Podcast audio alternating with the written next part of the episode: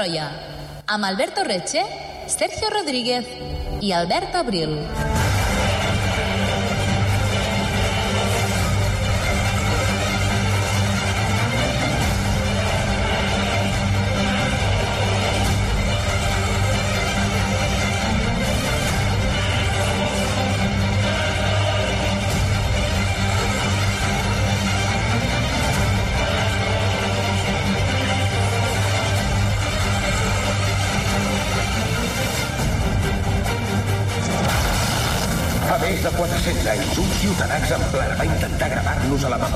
5 de novembre. Tenia l'esperança de fer-li veure a tothom que la justícia, la igualtat i la llibertat són més que paraules. Són una Així parla en B a un discurs televisat a la pel·lícula B de Vendetta.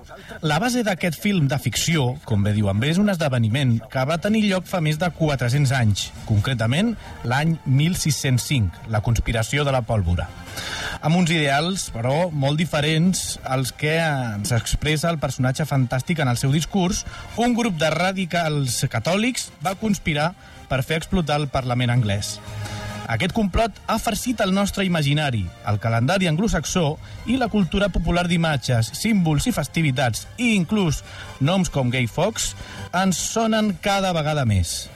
Avui, a les portes de Troia, parlarem sobre els antecedents d'aquest complot i presentarem els protagonistes. Benvinguts a la conspiració de la pólvora, benvinguts a les portes de Troia.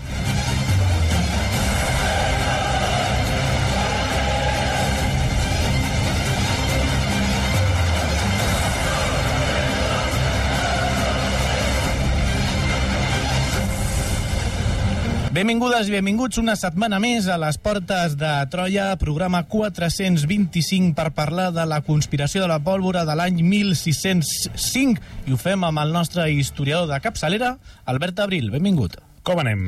Albert, per què li hem de dedicar un, o potser més d'un, programa en aquesta conspiració de la pólvora? Uh, doncs perquè ens acostem a, a l'època de festivitats, no? Ens acostem a la castanyada, ens acostem a Halloween, si volem, i si vivíssim a Anglaterra també ens, ens acostaríem a la nit de Guy Fawkes, uh, que és un dia festiu a Anglaterra, i ja explicarem una miqueta uh, per què. I a més a més és un programa que feia molt temps que volia fer, de fet fa, fa temporades que tenia el, el guió com, començat d'aquest programa, mm. però mai coincidia en que Uh, podríem emetre un dia 5 de novembre i si no vaig errat, si les gravacions van bé i tot plegat, la segona part que és quan tot el complot explota s'emetrà el dia, el dia 5 de novembre. Per tant, és fantàstic, no? Recordem, recordem el, el 5 de novembre. A més a més, és un episodi que és bastant desconegut. O sigui, a la cultura anglosaxona és molt conegut, ja hem dit que és una festivitat nacional gairebé. Um, però és un, és un episodi que ha inspirat els grans, el gran còmic de l'Amour de B de Vendetta, posterior pel·lícula, eh, que, que per cert té un doblatge fantàstic al català i la podem trobar a HBO. Um, també ha inspirat les màscares dels Anonymous o màscares que s'han utilitzat en moments de revolta, de revolució, de protesta, etc. Uh, en, en símbol de llibertat, en símbol d'igualtat, en símbol d'antisistema veurem que tots els ideals que defensava, per exemple, Guy Fawkes, que és un, un dels, dels implicats d'aquesta conspiració, eren molt diferents a la igualtat, la llibertat, etc. No? Però ja, ja ens hi anirem, ja ens hi anirem I, I penso que només per això ja val la pena dedicar un parell de programes a explorar aquest esdeveniment històric, que també ens ha generat molta documentació i una documentació molt interessant. A les portes de Troia. Descobreix la teva història.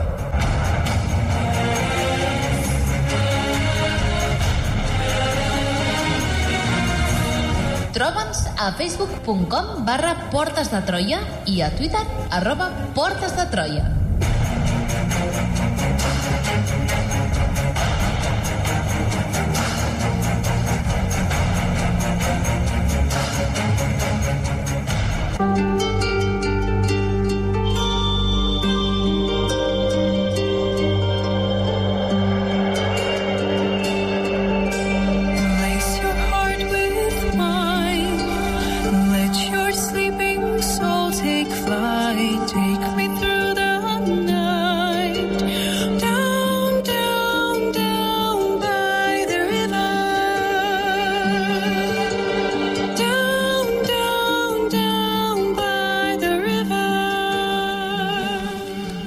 Albert, uh, amb quina cançó ens estàs uh, obsequiant en aquest inici del programa? Tenia previst posar només cançons de B de Vendetta, però com que la meva vida últimament està molt basada en el, en el Baldur's Gate, he pensat que per començar amb un ambient tranquil com és l'Anglaterra del segle eh, XVI, doncs Down, uh, Down by the River, uh, que forma part de la banda sonora del Baldur's Gate 3, Vale. és fantàstica no? per anar-nos introduint tranquil·lament en aquest context i llavors ja anirem pujant una miqueta més de to. Has, has trobat alguna excusa per ficar la música al Baldur's Gate 3? Correcte. Em sembla molt bé. Però està ben justificat. Sí, sí, sí, Està molt està justificadíssim. Escolta, Albert, per anar posant-nos en context, què va ser això de la conspiració de la pólvora que ens ocuparà un parell de programes? A veure, uh, ja ho hem anat introduint una miqueta, però la conspiració de la pólvora del 1605 va ser un intent d'assassinat fallit. Ja veieu que en aquest programa ens agraden, no?, els intents fallits d'assassinat. Tu em promets que això millorarà l'intent d'assassinat de Ferran el Catòlic? És molt difícil. Ah, perquè molt tenim difícil. aquell precedent, eh? La gent se'n recorda. La gent se'n recorda. Jo, jo també me'n Tenim, recordo de lo malament que ho vaig passar. a més, era un novato, jo. De moment, de moment, bueno, eh, fem aquesta referència, la, la gent que ens acaba de descobrir doncs, pot anar a buscar aquell programa a l'iVox, al- també, bueno, al Spotify ja no, perquè l'Spotify només ens, Només ens ens deixa 30 30, o pro- alguna els últims així, sí. 30 programes, però l'iVox sí va ser molt, molt divertit, també ser un assassinat, intent d'assassinat fallit, però en aquest cas no, no, no serà el mateix, no? Um, serà, jo penso que serà interessant, però no hi haurà tant... No és tan concret, no tenim les accions tan concretes. Quantes escales va baixar, en quin moment, per on van passejar, passejar en Joan Canyamars, per Barcelona, etc. Ah, això, Joan Canyamars. Uh, en fi, la conspiració de la pólvora del 1605. Això, un intent, un, un intent fallit d'assassinat contra el rei Jaume I, no el, no el nostrat, sinó el d'Anglaterra, uh, per part d'un grup de catòlics anglesos. Uh, buscaven un canvi de règim després de dècades de persecució religiosa contra els catòlics. Ara farem una mica d'introducció per parlar quina era la situació dels catòlics a l'Anglaterra del, del 16, començaments del, començaments del 17. Uh, I de fet afegeixo també que si algú vol aprofundir una mica més o algú li agraden les sèries històriques, etc, es va, el 2017 uh, va sorgir una sèrie que es diu uh, Gunpowder, mm. que va, era, no sé si produïda inclús, però sí protagonitzada per, a, per en Kit Harrington, que és en, en Jon Snow, de, de Joc de Trons. La sèrie deixa bastant, bueno, pel meu gust deixa bastant a desitjar, però si més no, l'ambientació històrica, la trama i tot, doncs ens pot ajudar una miqueta a posar cares, no? a veure esdeveniments, a, bueno, a posar una miqueta d'imatges de tot el que narrarem aquests dos programes. Per tant, si algú la vol mirar, I, i, endavant. i el Kit Harrington fa tota la sèrie aquesta cara d'espantat que du sempre a Joc de Trons, Obvi- aquesta cara òbvia, que... Òbviament, la cara aquesta de pòquer que té eterna. Aquesta cara d'eterna. Sí, Molt bé. Sí, sí. I, Albert, ens has dit que ara, ara tot seguit ens ficaràs en context perquè per entendre quina és la situació històrica d'Anglaterra al segle, al segle XVI, a principis del XVII, molt bé, però això com, com ho entomarem tot plegat? La idea és fer un parell de programes. El primer, dedicar-lo a fer els antecedents històrics um, per explicar una miqueta la situació dels catòlics del segle XVI, per explicar altres conspiracions que es van dur a terme més o menys en aquella època. Um, i avui acabar, més o menys, acabant presentant els personatges i acabar presentant com aquests personatges o aquests protagonistes del complot es situen a Londres, al vell mig de Londres. Llavors, per altra banda, en el segon programa lo interessant serà desenvolupar el pla, desenvolupar el complot, veure com el complot es descobreix, com es fan les investigacions, els interrogatoris, les tortures, les execucions i les conseqüències. Molt bé, doncs eh, posem-nos-hi. Eh, en quin, quin seria el context polític en el que ens trobaríem a, a Anglaterra, doncs, a mitjans, principis del segle XVI? Uh, a veure, ens situem hem de retrocedir una miqueta, ens situem el, entre el 1533 i 1534, que és una data que uh, és molt important en la història perquè és el moment en què Enric VIII uh, pren el control de l'església anglesa fundant el que coneixem com l'anglicanisme. I d'aquesta manera s'implanta el, el protestantisme en el regne anglès. Recordem que el protestantisme té moltes branques, no? en, uh, concretament a Anglaterra, la branca que triomfa és la- l'anglicanisme. Uh, ell és el cap de l'Estat i també es converteix en el cap de l'Església i, per tant, renuncia i abandona el papa de Roma com a cap de l'Església.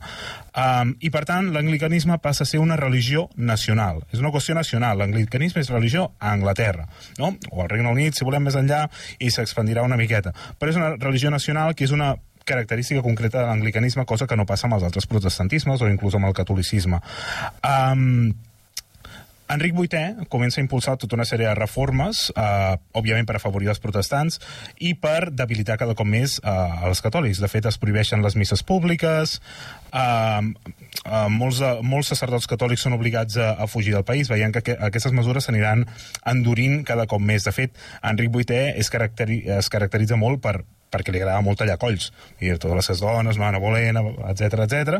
Uh, doncs imagineu si els hi passava això a les seves, a les seves esposes, imagineu-vos, no?, a tots els clergues catòlics que volien continuar fent misses públiques, que volien conservar les imatges uh, catòliques, etc. D'acord? Per tant, ja eh, es fan tota una sèrie de mesures eh, persecutòries cap als, cap, als propis, eh, cap als propis catòlics. Llavors, aquesta reforma religiosa suposa un inici de, de dècades de tensió religiosa a Anglaterra um, entre catòlics i anglicans. Llavors els catòlics lluiten constantment per recuperar els seus drets i combaten contra una societat cada cop més protestant. De fet, els catòlics en aquell context eh, es comencen a, comencen a ser anomenats els papistes, no? els que donen suport o els que... Um, el seu líder espiritual és, és el papa de Roma. Molt bé, i aquestes decisions de la monarquia anglesa, Enric VIII, van portar algun revolt a nivell internacional, algun conflicte internacional que hem de conèixer? Um, no exactament, o sigui, sí i no, no un altre cop. Uh, clar, aquesta situació, entre moltes altres coses, porta a la guerra entre la monarquia hispànica i Anglaterra entre el 1585 i el 1604, um, quan té lloc tot l'episodi de l'Armada Invencible, de Felip II, etc. Jo en parlarem una miqueta més després. Um, que és una guerra que mai va ser formalment declarada. Llavors, aquesta guerra s'inicia quan Anglaterra envia un exèrcit a donar suport a les Províncies Unides, no? als actuals Països Baixos, que s'han revoltat contra la monarquia hispànica, contra el poder dels Habsburg. Um, és una guerra que, ha, que té moltíssims episodis de pirateria, de grans batalles a Irlanda, a les, a les Províncies Unides, a l'Atlàntic, etc. I a més a més hi ha la cira ronsa aquest, o sigui, a tot això hi han de sumar el context de les guerres de religió d'Europa, òbviament no ho podem deslligar, i a més a més hi ha una cira ronsa entre les corones escocesa i anglesa perquè feia dècades que hi havia la idea per allà flotant de que eren dues corones, dos regnes que s'havien d'unificar Um, I en aquest context del segle XVI veiem com, bueno, com aquest context va canviant i de fet parlarem de Jaume I um, d'Anglaterra però també és ja, um, Jaume rei d'Escòcia de, rei no? ja anirem veient com es desenvolupa tot això i després de que Enric VIII mor el seu successor mirarà d'una altra manera el tema catòlic Um, després de la mort d'Enric VIII s'inaugura un període de bastanta incertesa religiosa, la veritat. Primer de tot el succeeix Eduard VI, que entre els anys 1547 i 1553, més o menys, però que és un nano que va morir als 15 anys. Vull dir que va ser un regnat que no van passar a gaires coses. De, de fet, amb ell el declivi dels catòlics es va accentuar. Les bíblies cada cop es publicaven amb més anotacions protestants, les imatges religioses es van anar eliminant, etc. Llavors, a ell el, el, el va succeir, su, uh, succeir a Lady Jane Grey, que va, va ser reina de facto només durant nou dies, per tant ni la mencionarem, i finalment, després d'aquests dos breus regnats, no, apareix un personatge famosíssim, que és Maria I d'Anglaterra, que governa, que governa entre el 1553 i el 1558, que recordem que és la dona de Felip II de Castella. Mm. I que mentre ella és reina d'Anglaterra, molts cops ens oblidem que Felip II també és rei d'Anglaterra, amb moltes limitacions, moltíssimes limitacions, però ell no és ni consort, si, si no m'equivoco, no és ni consort, sinó que també és rei de facto d'Anglaterra. L'únic que té moltíssimes um, limitacions, no pot posar la mà al tresor, les finances no les pot tocar, té un Parlament molt fort que li impedeix fer coses, i de fet Maria té molts més privilegis a l'hora de regnar que no pas ell. Llavors, uh, Maria d'Anglaterra um, no és protestant, no és com Enric VIII, és fermament catòlica i a més a més està casada amb el rei més catòlic de l'Europa del, del moment i eh, ella el que fa és intentar re reinstaurar el catolicisme. De fet, va aplicar moltes polítiques radicals i va dirigir matances contra la població protestant. I, de fet, per això se la coneix com a Bloody Mary, no? que també dona nom al còctel de Bloody Mary, etc. Uh, perquè durant el seu regnat de 3-4 anys crec que va matar més de, més de unes, entre 400 i 500 persones només pel fet de ser protestants o, o reivindicar els drets protestants, etc. Um, clar, aquesta situació va fer créixer encara més les tensions entre protestants i catòlics. Recordem que arran dels drets que tenia Felip II uh, pel seu matrimoni amb, amb Maria i com a rei catòlic, després de la mort de Maria va, va enviar l'Armada Invencible, que, eh, bueno, de fet, fa molts, molts, molts anys vau dedicar un programa a l'Armada Invencible. Sí, sí, sí. Que si algú vol recuperar... Me'n recordo perquè vam riure molt. És que és un episodi bastant graciós. Sí. Llavors, um, quan mor Maria, uh, ascendeix al tron Isabel I d'Anglaterra, famosíssima reina d'Anglaterra, um, i llavors el protestantisme, l'anglicanisme, torna a guanyar moltes posicions dins del regne. Molt bé, i aquest regnat d'Elisabet, com anirà? Uh, clar, Isabel I governa durant molts anys, entre el 1558 i el 1603, i just després d'ella ja apareixerà Jaume. Um, ella va respondre a la creixent tensió i divisió introduint el que coneixem els historiadors com l'acord religiós isabelí. Aquest acord el que feia és que requeria que qualsevol persona eh, designada per un càrrec públic o de l'Església jurés fidelitat al monarca com a cap de l'Església i com a cap de l'Estat, però sobretot com a cap de l'Església. Llavors, amb aquest acord, les sancions per denegació eren molt, molt dures. Es van imposar multes per recusació, que bàsicament era si tu et negaves a acceptar a la reina d'Anglaterra com a cap de l'Església, se't posava una multa. Um, i els reincidents en aquesta recusació o aquesta, o aquesta denegació corrien el risc de ser empresonats i sobretot de ser executats. Gairebé no es plantejaven ni l'exili en aquest cas. Llavors el, el catolicisme en, aquest, en aquesta situació cada cop estava més marginat, més apartat, però tot i les amenaces, els sacerdots van continuar practicant la seva fe en secret. Cada cop hi ha menys sacerdots perquè es van donant ultimàtums. No? Ara els sacerdots, tenen, els sacerdots catòlics tenen 40 dies per abandonar Anglaterra. Molt bé, uns quants se'n van, però sempre queden, sempre queden, sempre en queden. O per fer-nos una idea, a l'inici, o quan comença tota la reforma protestant a Anglaterra, a, a, a Irlanda, per exemple, hi havia més o menys uns mil monjos dominics, i només quan acaba el regnat d'Enric de, VIII, ja només en queden quatre en tota Irlanda, no? per, per fer-nos una idea de fins a quin punt hi havia una persecució cap als, cap als catòlics.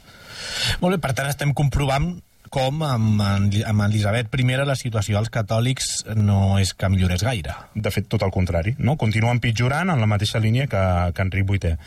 Uh, amb els anys, però, els catòlics van veure un bri d'esperança. La reina, soltera i sense fills, Isabel, Isabel I, es va negar a designar un hereu. I llavors aquí, quan ella s'anava fent vella, els catòlics veien, no, veien una miqueta la llum al, al final del, del túnel. Llavors, la majoria dels catòlics d'Anglaterra veien l'alternativa la, a la successió del tron en Maria Stuart, la reina d'Escòcia, que era l'hereva legítima, en aquest cas, del tron anglès.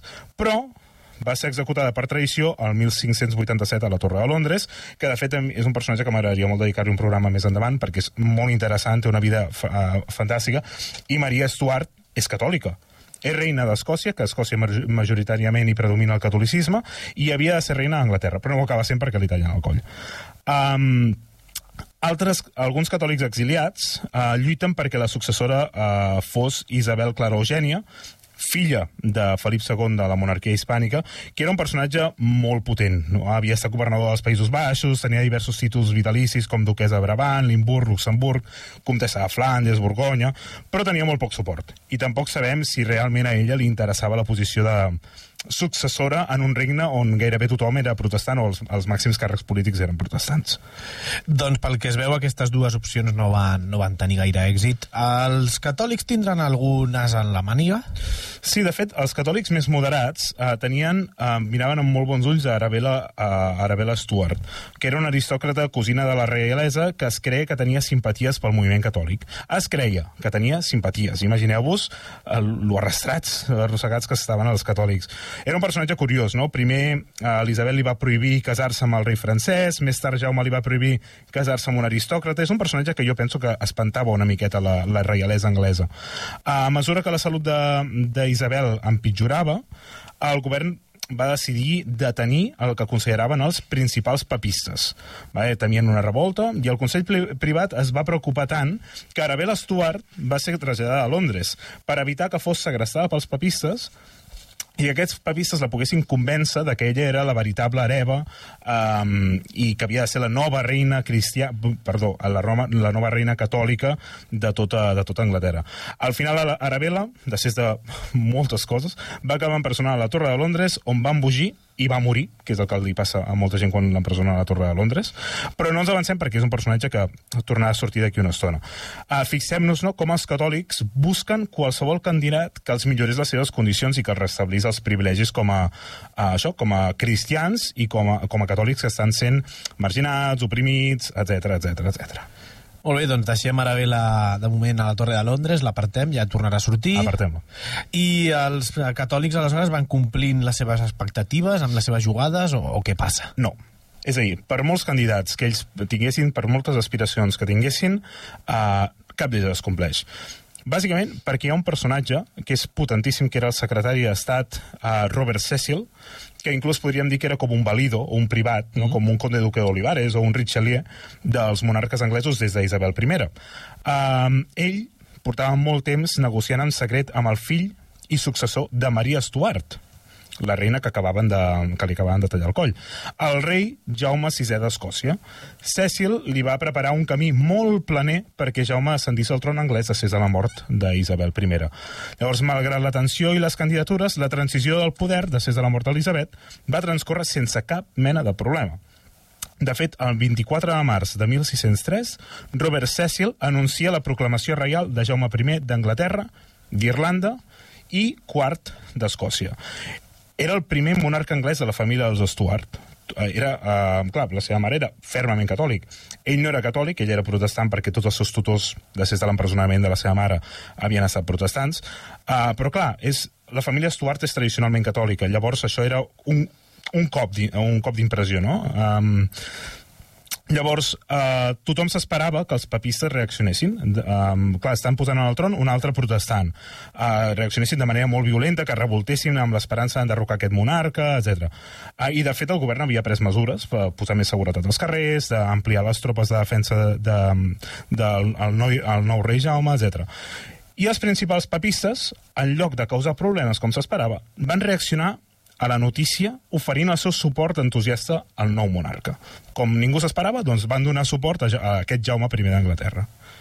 Molt bé. I, i, i això per què, per què havia passat, aquest uh, cop de timó? Clar, ja ho hem anat dient, no? Jaume era un Stuart, uh, que eren catòlics de família, tradicionalment catòlics, uh, i van veure una oportunitat. Potser ell seria capaç de retornar a l'ordre natural de les coses, com deien, com, com, com escrivien els jesuïtes en aquella època.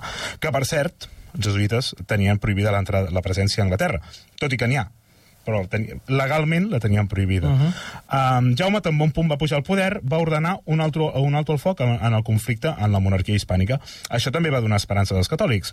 Uh, pensem que en aquell moment uh, s'està vivint la guerra als 80 anys entre la monarquia hispànica i les províncies unides i totes les altres potències que s'hi van sumant, i els, els anglesos cada cop estaven més posicionats a favor dels neerlandesos.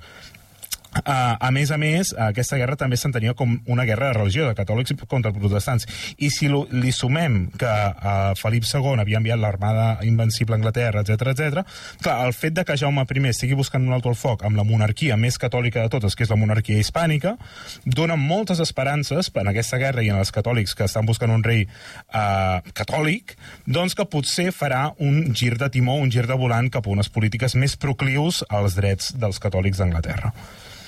I, per tant, sembla que en Jaume vol portar seny i ordre, no? Sembla que sí. Uh, tot i que la monarquia hispànica i Anglaterra continuaven en guerra oficialment, hi ha un alto al foc, i de fet Felip III, ja en aquell moment ja Felip III, envia don Juan de Tassis per eh, felicitar Jaume per la seva coronació, etc. I l'any següent els dos països firmen el Tractat de Londres que posa fi a la guerra entre la Anglaterra i la monarquia hispànica. Durant dècades els anglesos havien viscut o sigui, clar, fixem-nos, no? Uh, Isabel I era una reina que va governar durant molt temps, um, però mai va tenir successors, mai va tenir hereus. Llavors, eh, havien viscut sempre amb un monarca que no volia designar hereus, que no tenia una línia de successió clara, i això, per molt que ella fos una reina molt forta, genera certa estabilitat, ines, inestabilitat en el regne. Llavors, quan Jaume I accedeix el tron, ja ho fa amb una família formada. La seva dona, que era Anna de Dinamarca, fill, filla del monarca danès, i una clara línia de successió amb diversos fills. I hi ha molta expectativa catòlica al voltant d'aquest nou rei? com hem anat veient, hi ha molta expectativa. Tot i ser un rei protestant, els papistes eh, creien que el martiri de Maria Stuart, de la seva mare, animaria Jaume I a convertir-se al catolicisme i a fer polítiques més procatòliques. Per altra banda, les monarquies europees, les dinasties catòliques europees, també veien esperances i veiem, no, veiem a Felip III enviant ambaixadors per felicitar-lo per la seva coronació, esperances de que faci un tom cap al catolicisme un altre cop. Inclús el papat veia el, el retorn al catolicisme a Anglaterra a llarg termini dins de la monarquia del propi Jaume I d'Anglaterra.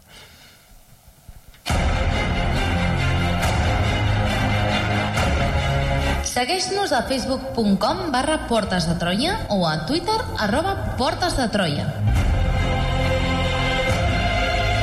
Descarrega't el podcast des d'iBooks o iTunes.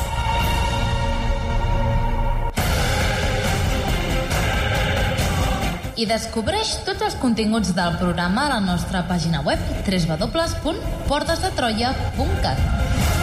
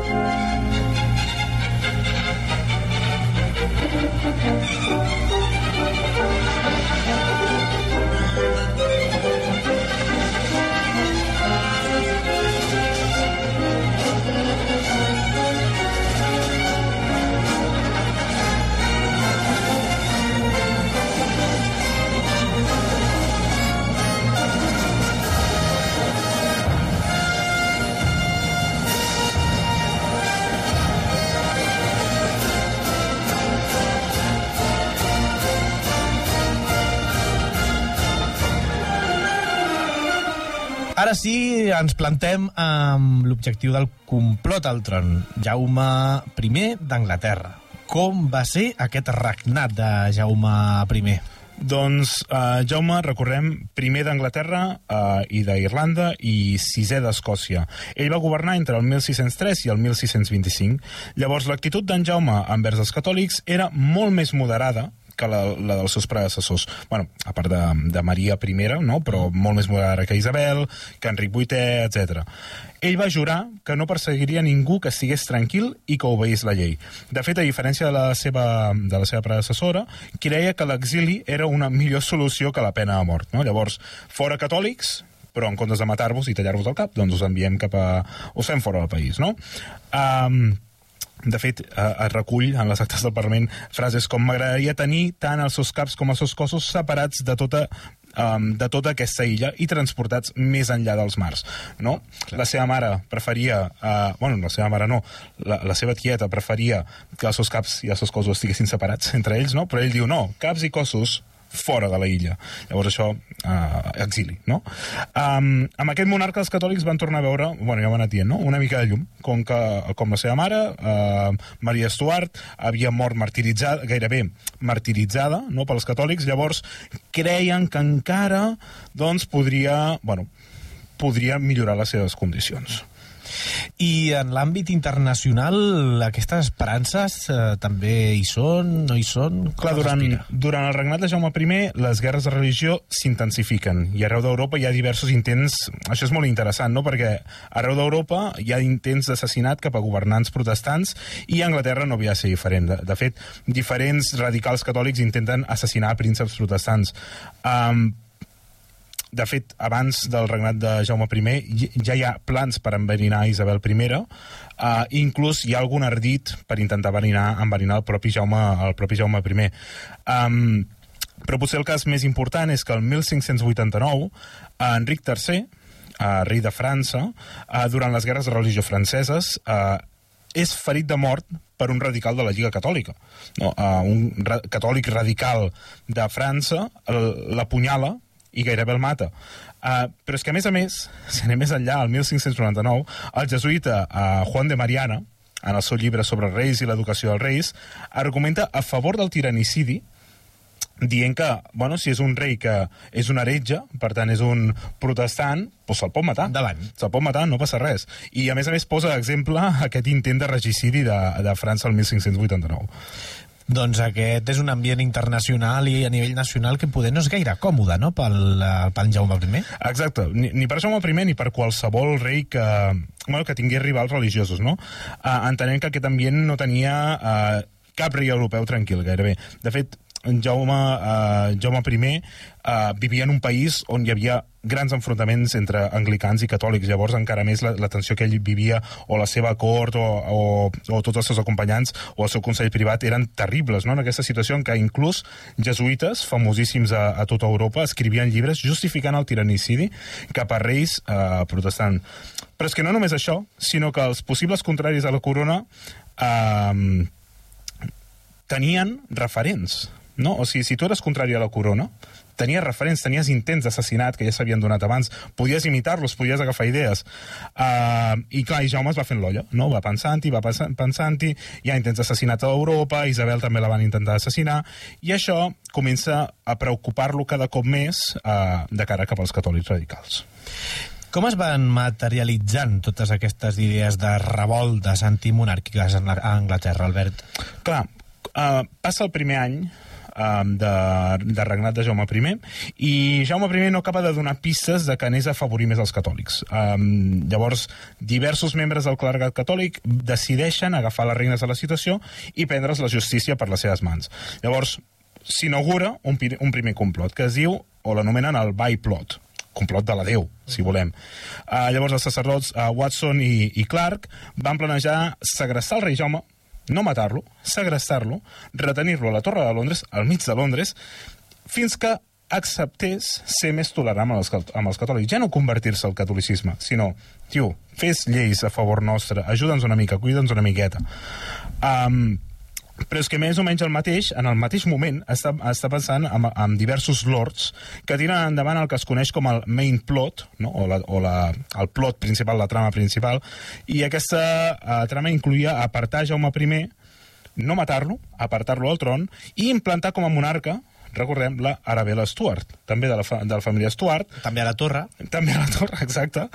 Um, i, de fet, inclús els del main plot van demanar finançament a, a Felip III de la monarquia hispànica, però cap d'aquests dos um, plots o d'aquestes conspiracions van, van tenir cap mena d'èxit, però ja tenim referents. I, I com van acabar, doncs? Ens has dit que no van tenir èxit el byplot i el main plot, però què va passar amb els plots? Uh, doncs els dos plots van, no, van, no van fer plots. Uh, el juliol del 1603 uh, tots els participants van ser empresonats i jutjats i inclús alguns van ser executats, però altres van ser perdonats, ja que Jaume I, preocupat per el radicalisme catòlic, no volia ser un rei gaire sanguinari i menys al començament del seu regnat. Recordem, estem al 1603-1604 i no porta gairebé ni un any regnant.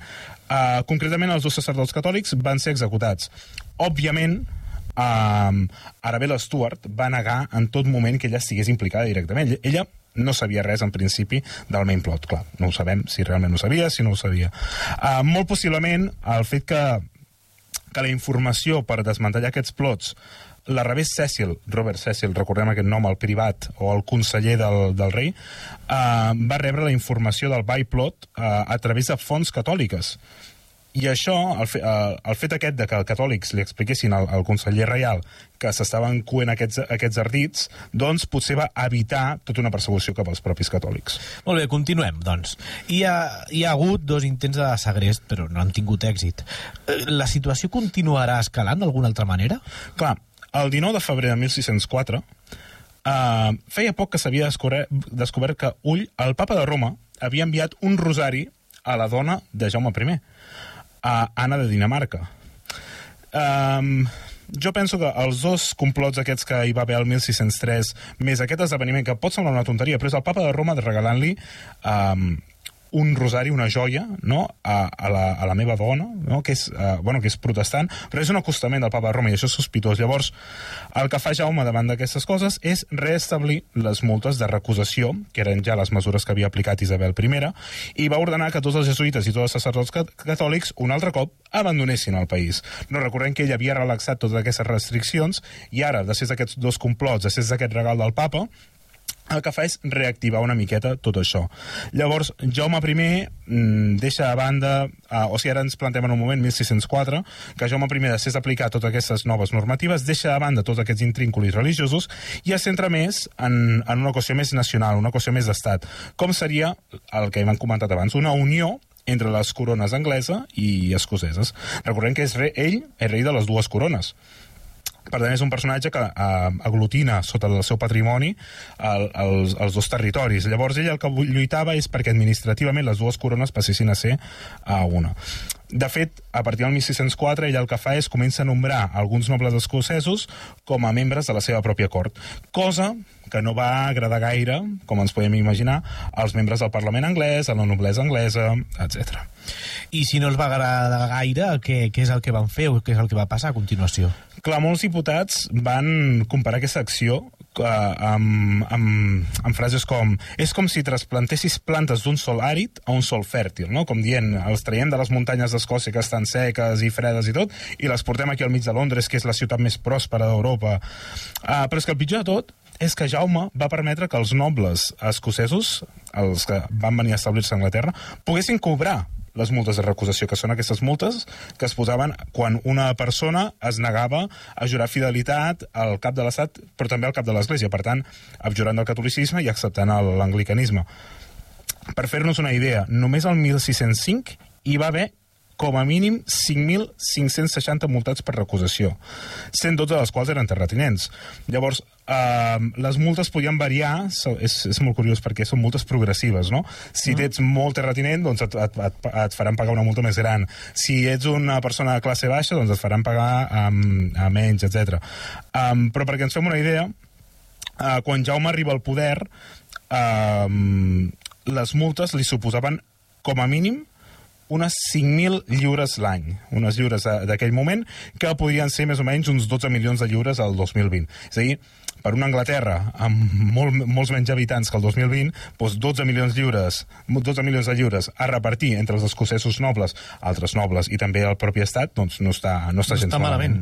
Um, el 19 de març de 1605, fixeu-vos que anem avançant, eh, 1605, um, Jaume participa uh, a la seva primera sessió del Parlament, o una de les seves primeres sessions del Parlament anglès, i també és molt significativa per uh, descriure quina era la, la seva relació amb els catòlics. I què tal? Com va ser aquesta primera participació de Jaume I eh, al, al Parlament anglès? Doncs va ser un discurs d'obertura segons el que assegurava que no volia més persecucions religioses, però també va deixar molt clar amb altres paraules, que els catòlics no havien de guanyar ni nombres ni forces en aquell regne.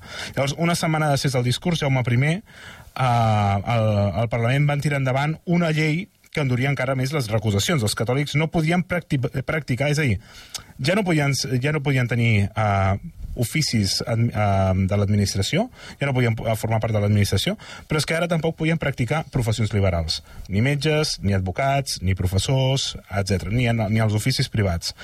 Um, clar, el discurs de Jaume I, sumant-li aquesta llei, remarcaven que Jaume no tenia cap mena d'intenció de restablir els privilegis que tenien els catòlics.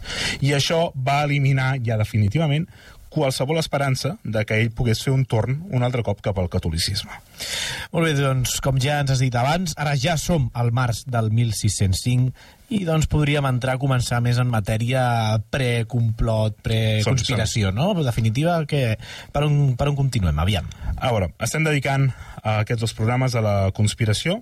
Um, estem ja a l'últim terç del programa, però era molt important fer aquest context per entendre quina era la situació dels catòlics, aquestes, aquesta mescla d'esperança, decepció, esperança, des, uh, decepció. Bueno, hem vist que els catòlics han agafat a qualsevol cosa eh, sense, la- gaire, sense gaire fonament, eh, moltes vegades. Sí, sí, sí. Bueno, però perquè veiem la desesperació no, dels, de les persones, bueno, que, sobretot en privilegis i amb càrrecs, que, bueno, que ostentaven aquesta religió. Llavors, 1605, potser anirem una miqueta enrere també, però ja, ja ens anirem movent i an- anirem avisant sobre la data. Com ens agraden enrere els historiadors, eh? Ens encanta, i constantment, eh? És- Tota l'estona, som Avancem, molt pesats. però tornem enrere. Clar. Avancem, tornem enrere. Important. Um, contra totes les esperances uh, cap al rei Jaume es van convertir, uh, o sigui, es van convertir en, en res, Um, I com que ja hi va haver un main plot i el by plot i res de tot això va, va funcionar, van dir, pues ja no el volem segrestar, ja no el volem apartar. Comencem una conspiració per matar-lo, per fer directament un regicidi. Ja estem cansats, no funciona segrestar-lo, vull dir, regicidi. Um, clar, recordem sobretot que és en un moment que s'estan escrivint obres de jesuïtes justificant el regicidi. Dir que és normal que aparegui aquesta idea. Llavors, quin seria l'objectiu d'aquesta conspiració? Matar el rei, primer. Matar la família reial, perquè si el rei té fills, doncs, un cop mort el rei, posen el seu fill. Doncs no, sense fills. Uh, matar els membres del Consell Privat, protestants, grans consellers del rei. Matar els parlaments, ai, els parlamentaris que eren massa protestants, és a dir, gairebé tots els parlamentaris. Mata també tots els jutges superiors del sistema legal anglès, que eren majoritàriament aristòcrates protestants. Uh, tots aquests també havien de caure. No sé, és com una, la, boda, la boda roja, no?, del Joc de Trons, una mica, o... Exacte, de fet, és uh, una matança total, ja veurem com, com pretenen dur-la a terme, però l'important és, i després què? mates el rei, mates la família, mates els parlamentaris. I després què? Um, la intenció, ull, era que mentre tot això passava, mentre hi havia aquest assassinat en massa, havien de segrestar a una filla del rei. Una filla del rei que es trobava a l'abadia de, de Cum, a Coventry. Això era una estratègia molt bona per ells, per als, uh, per als catòlics, perquè vivia només a 10 milles de Warwick, cosa que els anava molt bé perquè la majoria dels catòlics radicals, sobretot els aristòcrates, vivien a les Midlands, que queda exactament al centre d'Anglaterra. I això queda molt a prop d'on residia la filla del rei. Llavors, un cop mort el rei i tots els seus parlamentaris, els catòlics ocuparien tots els buits de poder, tots els buits de poder i, a més a més, col·locarien a la filla del rei com una reina titella, òbviament, amb eh, el que donaria suport a, a, a, al catolicisme. I, a més a més, els conspiradors pretenien utilitzar a Henry Percy, que era el novè comte de Northumberland, com a canceller i tutor de la reina, no? com a privat, seria com el nou Robert Cecil de la nova reina. Però és possible que ni li comuniquessin, és a dir, és molt possible que el senyor uh, comte de Northumberland No ho sabés. no sapigués res d'això.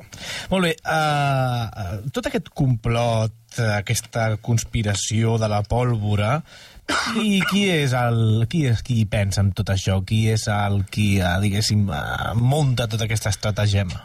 És un nom que um, ara el mencionarem i no pararà de sortir fins al final d'aquests dos programes. És Robert Catesby. Ell va viure entre el 1573 i el 1605, fixeu-vos en la data de la mort, um, i se'ns descriu que era un home de llinatge antic, històric i distingit. De fet, és un aristòcrata, és un aristòcrata de les Midlands, Um, I és la persona que inspira tota aquesta trama. És, és l'ideòleg de, de tota la conspiració de la pólvora. De fet, és en Kit Harrington a la, a la, a la sèrie, no? Jo creia que en Kit Harrington faria de Guy Fawkes, però es veu que va fer de, de, de Robert Gatsby. Um, era un gran espadatxí i se'ns explica que ja havia participat a la rebel·lió d'Essex al 1600, al 1601, que bàsicament era una rebel·lió, quan ja Isabel estava en els seus últims moments de vida, eh, per aconseguir els nobles catòlics de, de Mid, dels Midlands, per aconseguir més representació en el, en el Parlament. Um, va ser un intent fallit, ell va sobreviure i se li va fer pagar una multa d'uns 4.000 marcs que podria equivaler, equivaler a uns 6 milions de lliures del 2008, més o menys. Um, juntament amb Robert Catsby s'hi va sumar John Wright, uh, que també formava part de la Conxorxa des d'un inici.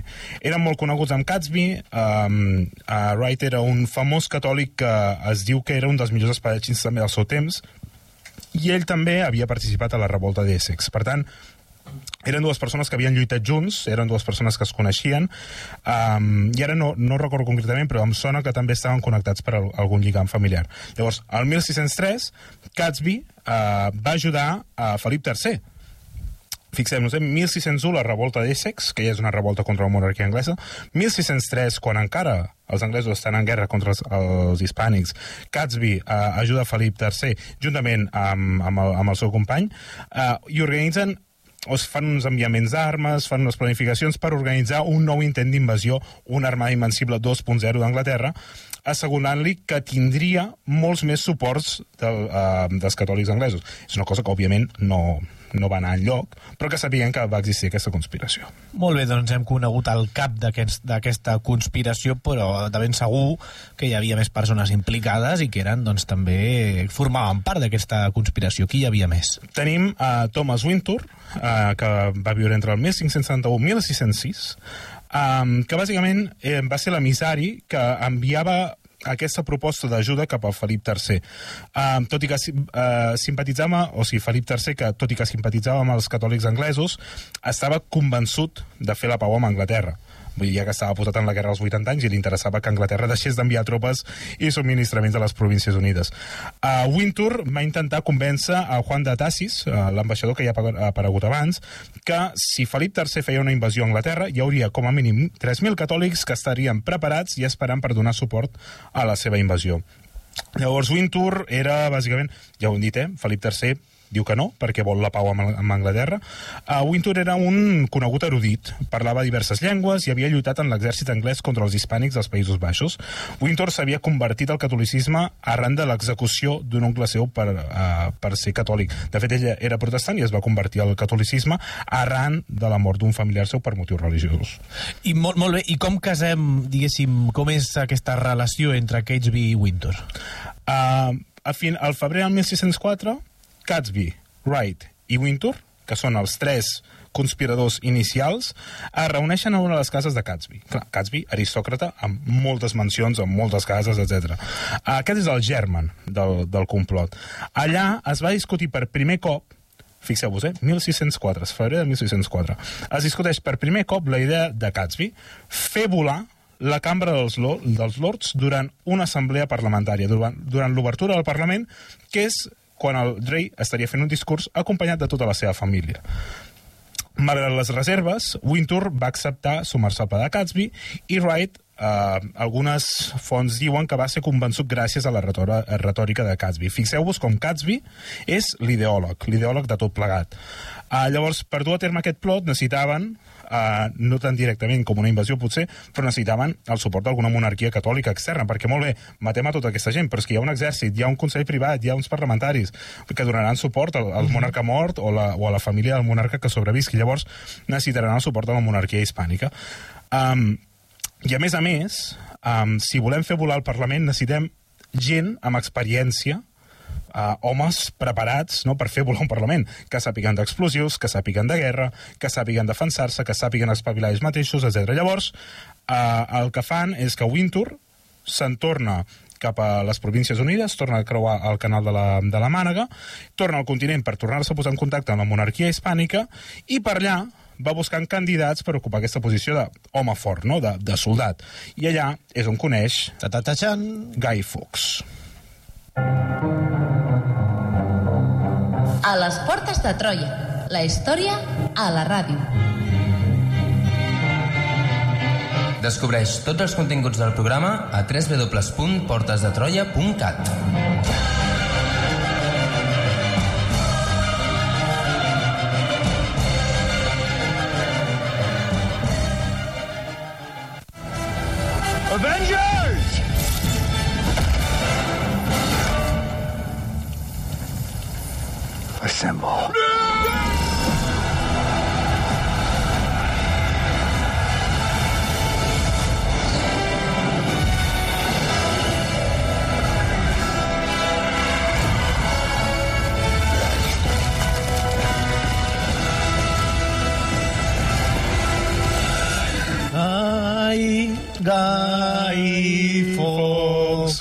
Sí, que aquesta està- seria el que hauríem de cantar amb, amb Avengers de fons.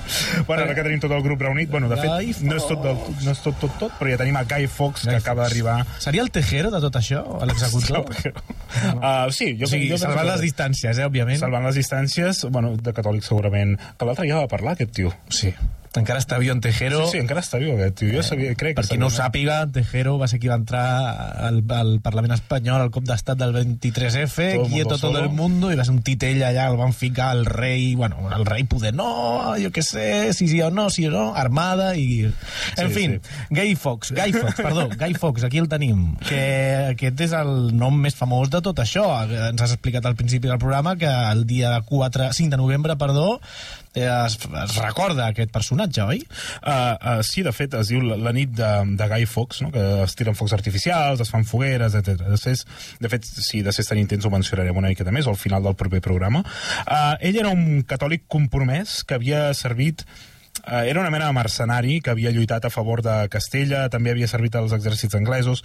Tenim poca informació d'ell abans de, de tot això, però ens hem de fer una idea que és un personatge que ha viscut molts anys a la guerra en els Països Baixos i a, la, i a les Províncies Unides, i a més a més sabem que el 1603 uh, havia estat recomanat uh, per una capitania. Vull dir que era un tio versat, no? Era un paio espavilat en la guerra. Um, de fet, Uh, Christopher Wright, uh, Wright perdó, uh, germà de John Wright, de la conspiració que veurem que Christopher s'acaba sumant també, i Guy Fawkes, havien estat membres de les delegacions de l'any 1603 a la cort espanyola demanant la invasió d'Anglaterra, aquesta armada invencible 2.0 que mai va succeir. Uh, un cop Wintour va haver trobat a Guy Fawkes, els dos homes van tornar cap a Anglaterra al, al finals del 1604, però ja tenien el seu home d'acció, no? Guy Fawkes és el um, bueno, el que s'emporta totes les hòsties i el que està allà per fer volar els explosius. I a més a més, fixeu-vos, és una explosió. Som al segle, al començament del segle XVII, una gran explosió. És molt possible que aquest tio sapigués que anava a morir, també. No, eh, que anava a encendre la, la metxa.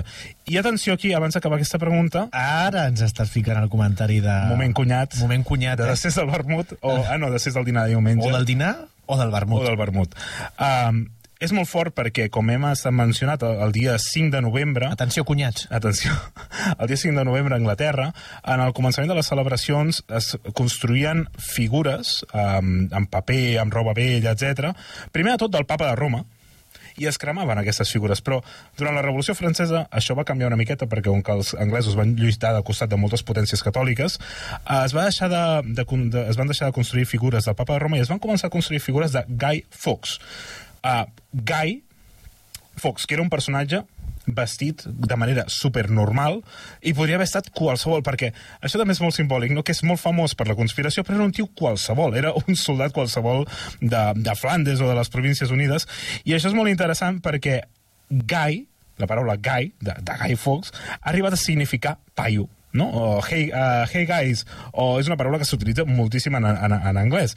I l'origen, segons el que he pogut llegir, filòlegs Mateu Massical, eh, segons el que he pogut llegir, l'origen de la- l'expressió gai per fer referència a aquest genèric masculí, no? de, de nois o, o paios, ve precisament de, de Guy Fawkes.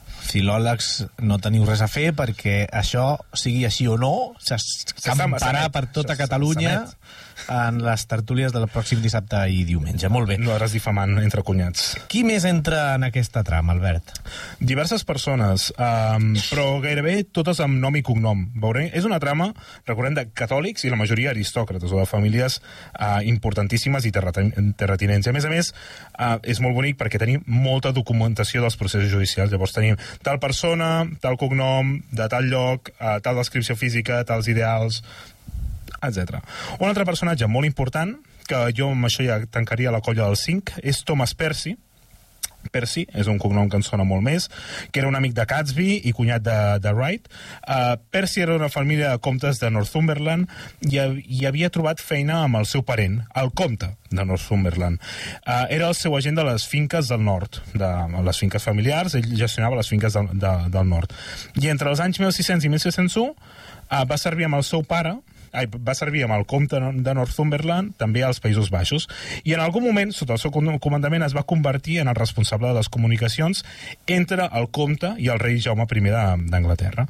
Um, de fet, Percy tenia fama de ser un home seriós que tendia a confiar massa en la seva espasa i en el seu coratge personal. Uh, Percy, encara que no fos catòlic, fixem-nos aquí, Percy no, no era catòlic, va lluitar per la millora de les condicions dels, dels catòlics. De fet, va anunciar públicament en moltes ocasions en la seva posició de diplomàtic, de persona que té contacte amb el rei, etc, uh, que creia que aconseguiria restablir les misses a les cases privades. Imagineu-vos les molles de pa, eh? les engrunes per les que s'arrossegaven, les misses privades, i, i va prometre inclús a millorar les condicions dels catòlics anglesos. Molt bé, doncs, eh, abans de deixar-ho aquí, fem repàs. Qui forma el grup de cinc conspiradors És com una- conspiració de la pólvora? És com una party del Dungeons and Dragons o, o del Baldur's Gate, no? I Tenim per una banda a Catsby, que és el, la persona amb diners i que és l'ideòleg de tot plegat, la inspiració. Tenim a Wright, que és l'espadatxí. Tenim a Winter, Winter que és l'erudit. A Thomas Percy, que és el diplomàtic ric. I tenim a Fox, que és el guerrer, no? és, el, és el bàrbar. Um, I amb això, si voleu, ja per acabar el programa d'avui, Fem un petit aperitiu, petit aperitiu del que ens trobarem següent. en el pròxim programa? Sí, una miqueta. Uh, I parlem, si voleu, de la primera reunió de tots aquests cinc conspiradors. El 20 de maig de 1604, les cinc persones es reuneixen ull en un pub històric al centre de Leeds. No? Com no? O sigui, que és més anglès no? que orquestrar una conspiració en un pub fent una bona pinta de, de cervesa. Llavors hi van assistir tots. Catsby, Wintour, Wright, Fox i Percy. En una sala privada van conspirar i van fer un jurament de secret eh, en un llibre d'oracions, òbviament, catòliques. I a més a més se'ns explica que just al costat hi havia John Gerard, que era un sacerdot d'incògnit catòlic, que estava fent una missa privada a una sala al costat. I que, per casualitats de la vida, com que ell estava allà, després de fer aquesta reunió al 5, els hi va, eh, els hi va donar l'Eucaristia just al final de la seva reunió. No? Fixem-nos tota la simbologia que hi ha aquí al, al sí, voltant. Sí. Uh, uh, llavors, ells en aquesta reunió es van donar fins al febrer del 1605 per finalitzar els seus plans. I així s'inicia tot el complot de la pólvora. Doncs estem superdins, però molt, i esperem que els nostres oients també, i us esperem, doncs, eh, Albert, moltíssimes gràcies pel programa d'avui. A vosaltres. L'Adrià Tirado al control tècnic i en Sergio Rodríguez a, a la presentació, i ara sí, com deia, us esperem a la segona part d'aquest interessantíssim complot de conspiració de la pólvora. Fins la setmana que ve.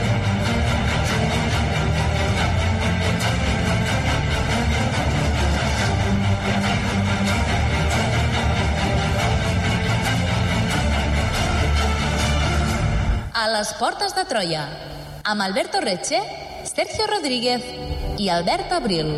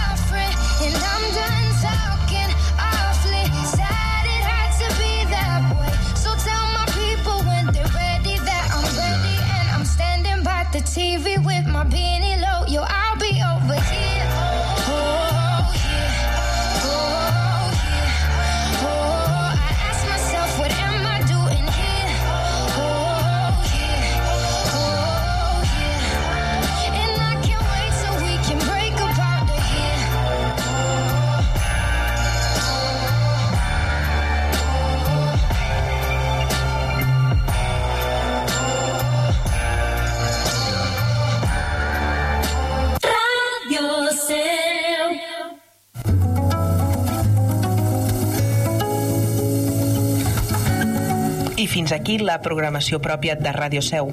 Connectem amb Catalunya Ràdio.